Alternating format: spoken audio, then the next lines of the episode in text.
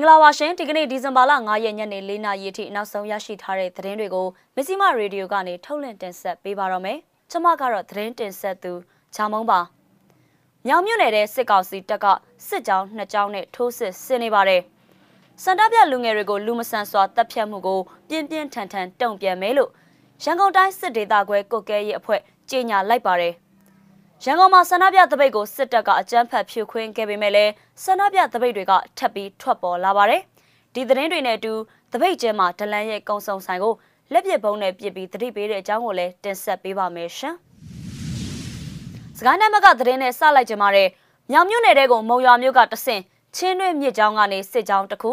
မြောင်ရဲစခန်းကနေကြောက်ရည်နယ်မြေရဲစခန်းကိုဦးတီထွက်ခွာလာတဲ့ခြေလင်းစစ်ကြောင်းတစ်ခု စုစုပေါင်းစစ်ကြောင်းနှစ်ခုနဲ့စစ်ကောင်စီဘက်ကထိုးစစ်ဆင်နေပါတယ်။အခုစစ်ကောင်စီဘက်ကအင်အားဖြည့်ပြီးမြောင်မြို့နယ်တဲကိုစစ်ကြောင်းထိုးနေတယ်။မုံရွာကလာတဲ့စစ်ကြောင်းကကျေးရွာတချို့ကိုဝင်မှွေနေတယ်လို့ကြားတယ်။ချင်းတွင်းမြစ်အနောက်ဘက်ချမ်းတစ်လျှောက်ကရွာ3ရွာပါ။ချင်းတွင်းဘက်ကလာတဲ့စစ်ကြောင်းကအင်အားအယောက်40လောက်ရှိမယ်။မြောင်ရဲစခန်းကနေကြောက်ရဲစခန်းကိုဦးတည်နေတဲ့စစ်ကြောင်းကတော့ခြေလင်သွားနေတယ်။အယောက်100လောက်ရှိမယ်လို့ မြောင်မြို့နယ်ပြည်သူ့ကာကွယ်ရေးနဲ့လုံခြုံရေးအဖွဲ့ CDSOM အဖွဲ့ဝင်တဦးကပြောပါတယ်။အဲ့ဒီမြောင်ရဲစခန်းမှာရှိတဲ့စစ်ကောင်စီတပ်ဖွဲ့ဝင်တွေရဲတွေနဲ့သတင်းပေးပြူစောထီတွေပါဝင်တဲ့အင်အားတရာဝန်းကျင်လောက်ကကြောက်ရည်နယ်မြေရဲစခန်းမှာစခန်းချတက်ဆွဲဖို့ရှိနေကြောင်းလည်းသိရပါတယ်။လက်ရှိတိုက်ပွဲတော့မဖြစ်သေးဘူး။ထိတ်တိုက်တွေ့လို့ရမယ့်အနေအထားဆိုထိတ်တိုက်တွေ့မယ်။လက်နက်အင်အားမမျှဘူးဆိုရင်ရှောင်တိန်နေမယ်လို့ CDSOM အဖွဲ့ဝင်ကထပ်ပြီးတော့ပြောပါတယ်။မနေ့ကညနေပိုင်းတုန်းကလည်း မုံရွာဘက်ကနေချင်းတွင်းမြစ်ကြောင်းအတိုင်းဆင်းလာတဲ့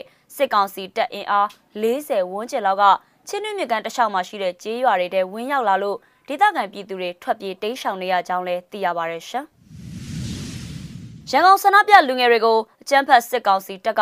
လူမဆန်စွာကားနဲ့တိုက်သက်တာတနက်နဲ့ပြစ်တက်တာတွေကျူးလွန်ခဲ့ပါတယ်။ဒီလိုမိတ်ပေးညွှန်ကြားခဲ့တဲ့အကြမ်းဖက်စစ်တပ်နဲ့သူတို့ရဲ့လက်ပါစေအားလုံးကိုပြင်းပြင်းထန်ထန်လက်တုံပြန်มาဖြစ်ပြီး တော်လန်ရေးအရှိန်ပိုးပြီးမြင့်တယ်မှာဖြစ်တဲ့အကြောင်းရန်ကုန်တိုင်းစစ်ဒေသခွဲကုတ်ကဲရဲ့အဖွဲ့ကဒီကနေ့မှထုတ်ပြန်ကြေညာလိုက်ပါတယ်။ဒီနေ့မနက်ပိုင်းကြည်မနိုင်ပန်းပင်ကြီးလမ်းမှာတတိယကြိမ်မြောက်ပြည်သူလူထုကိုစားပြုရန်ကုန်လူထုတပိတ်စစ်ကြောင်းချီတက်ဆန္ဒပြကြတာပါ။အဲ့ဒီလိုဆန္ဒပြတဲ့ချိန်စစ်ကောင်စီတပ်ဖွဲ့တွေကအနောက်ကနေကားနဲ့ဝင်တိုက်ပြီးတပိတ်ကိုဖြိုခွင်းခဲ့တာပါ။ရန်ကုန်တိုင်းဒေသကြီးကြည်မနာမြို့နယ်ပန်းပင်ကြီးလမ်းပေါ်မှာဒီနေ့မနက်၈နာရီဝန်းကျင်လောက်ကစစ်အာဏာရှင်စန့်ကျင်ရေး ငြိမ်းချမ်းစွာချီတက်ဆန္ဒပြလာတဲ့လူငယ်တွေကိုအချမ်းဖတ်စစ်ကောင်စီတပ်ဖွဲ့ဝင်တွေကလူမဆန်စွာကားနဲ့တိုက်တက်တာတနက်နဲ့ပြစ်တက်တာတွေကြောင့်ဆန္ဒပြလူငယ်တချို့ကြဆုံခဲ့ရပြီးဒီပြစ်စင်မှာထိခိုက်ဒဏ်ရာရတဲ့သူတွေကိုလည်းစေကူတာခွင့်မပေးဘဲစစ်ကြောရေးစခန်းကိုဖမ်းဆီးခေါ်ဆောင်သွားခဲ့တဲ့အကြောင်းကြားသိရလို့ပြည်သူလူထုနဲ့ထပ်တူစိတ်နှလုံးထိခိုက်နာကျင်ခံစားရတဲ့အကြောင်း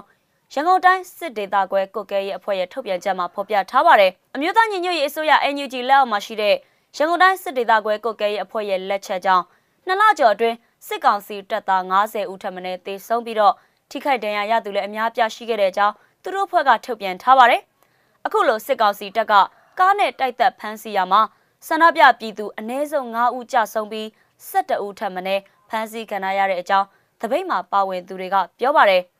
အော်တိုဘတ်ပြည်သူ့အကျိုးပြုလူငယ်အဖွဲ့အစည်းကလည်းမတရားသဖြင့်လှုပ်ဆောင်နေတဲ့ဖက်စစ်စစ်တပ်နဲ့အပေါင်းပါတို့ဒီလုပ်ရက်တွေအတွက်နောက်တစ်ချိန်မှာတာဝန်ယူတာဝန်ခံနိုင်ဖို့ပြင်ဆင်ကြပါလို့တတိပေးထားပါတယ်။ဒါအပြင်တက္ကသကျောင်းသားဟောင်းများအင်အားစုအဖွဲ့ကလည်းလမ်းပေါ်ကတပိတ်စစ်ကြောင်းတွေကိုဖြိုခွင်းနိုင်ပေမဲ့ကျွေးကြော်တန်တွေနဲ့တိုက်ပွဲစိတ်ဓာတ်ကိုတော့ဘယ်တော့မှဖြိုခွင်းနိုင်မှာမဟုတ်ဘူးလို့ယုံကြည်တဲ့အကြောင်းပြောကြားထားပါတယ်ရှင်။ရန်ကုန်တိုင်းကြီးမြင့်နိုင်မြို့နယ်မှာဒီကနေ့မနက်ပိုင်းကပြုလုပ်ခဲ့တဲ့ ငင်းချမ်းစွာချီတက်ဆန္ဒပြတပိတ်စစ်ကြောင်းတစ်ခုကိုအာနာသိန်းစစ်ကောင်စီတပ်ဖွဲ့ဝင်တွေကကားနဲ့တိုက်သက်တနက်နဲ့ပစ်ခတ်ပြီးအကြမ်းဖက်ဖြိုခွင်းဖမ်းဆီးမှုတွေပြုလုပ်ခဲ့တာပါဒါပေမဲ့လည်းစစ်အာဏာရှင်စန့်ကျင်ရေးဆန္ဒပြတပိတ်တွေကထပ်ပြီးတော့ထွက်ပေါ်လာပါတယ်ဒီကနေ့မနက်ပိုင်းရန်ကုန်မြို့တနေရာမှာစိတ်သုံးနေတဲ့လူအခွင့်အရေးတော်လန်ရေးနဲ့တိမ့်ပိုက်ကြဆိုတဲ့ကြွေးကြော်တဲ့နဲ့အတူပျောက်ကြားတပိတ်တစ်ခုလည်းပြုလုပ်ခဲ့ပါတယ်ဒီဆန္ဒပြပွဲမှာတက္ကသိုလ်ကျောင်းသားတွေ 180 LGBT community ရန်ကုန် Labor Alliance Autobus ပြည်သူ့အကျိုးပြုလူငယ်အဖွဲ့အစည်းတွေကပြုလုပ်ပြီးတော့စစ်အာဏာရှင်ဖြုတ်ချရေးလှုံ့ဆော်ဆန္ဒပြခဲ့ကြပါတယ်။အာဏာရှင်စနစ်ဆန့်ကျင်တိုက်ဖြတ်ရေးမှာပြည်သူတရက်လုံးသွေးမအေးဘူးဆိုတာပြသဖို့လာမယ့်ဒီဇင်ဘာလ10ရက်ကမ္ဘာလူအခွင့်အရေးနေ့မှာငြိမ်သက်ခြင်းတပိတ် Silent Strike နဲ့အနက်ရောင်လှုပ်ရှားမှု Black Campaign တွေနဲ့ထုတ်ဖော်ကြဖို့ကိုလည်းတက်ကြွလှုပ်ရှားသူတွေကလူမှုကွန်ရက်ကနေတဆင့်နှိုးဆော်စည်းရုံးမှုတွေပြုလုပ်လျက်ရှိပါတယ်ရှင်။ မန္တလေးတိုင်းတပိတ်ကျင်းမြို့နယ်ထဲမှာရှိတဲ့ကြောက်ဖြူကျေးရွာမှာစစ်ကောင်စီတပ်သတင်းပေးလို့ဆွဆွဲခံရသူရဲ့ကုံစုံဆိုင်ကိုမင်းညကလက်ပစ်ပုံးနဲ့ပစ်ခဲ့တဲ့အကြောင်းဒေသရင်းမှာရှိတဲ့ပျောက်ကြားတပ်ဖွဲ့တစ်ခုကကြေညာထားပါတယ်။ကြောက်ဖြူကျေးရွာကဒလန်ကိုတတိပေးတာနဲ့စစ်ကောင်စီဆိုင်ကယ်နှစ်စီးကိုမိုင်းဆွဲတာဟာ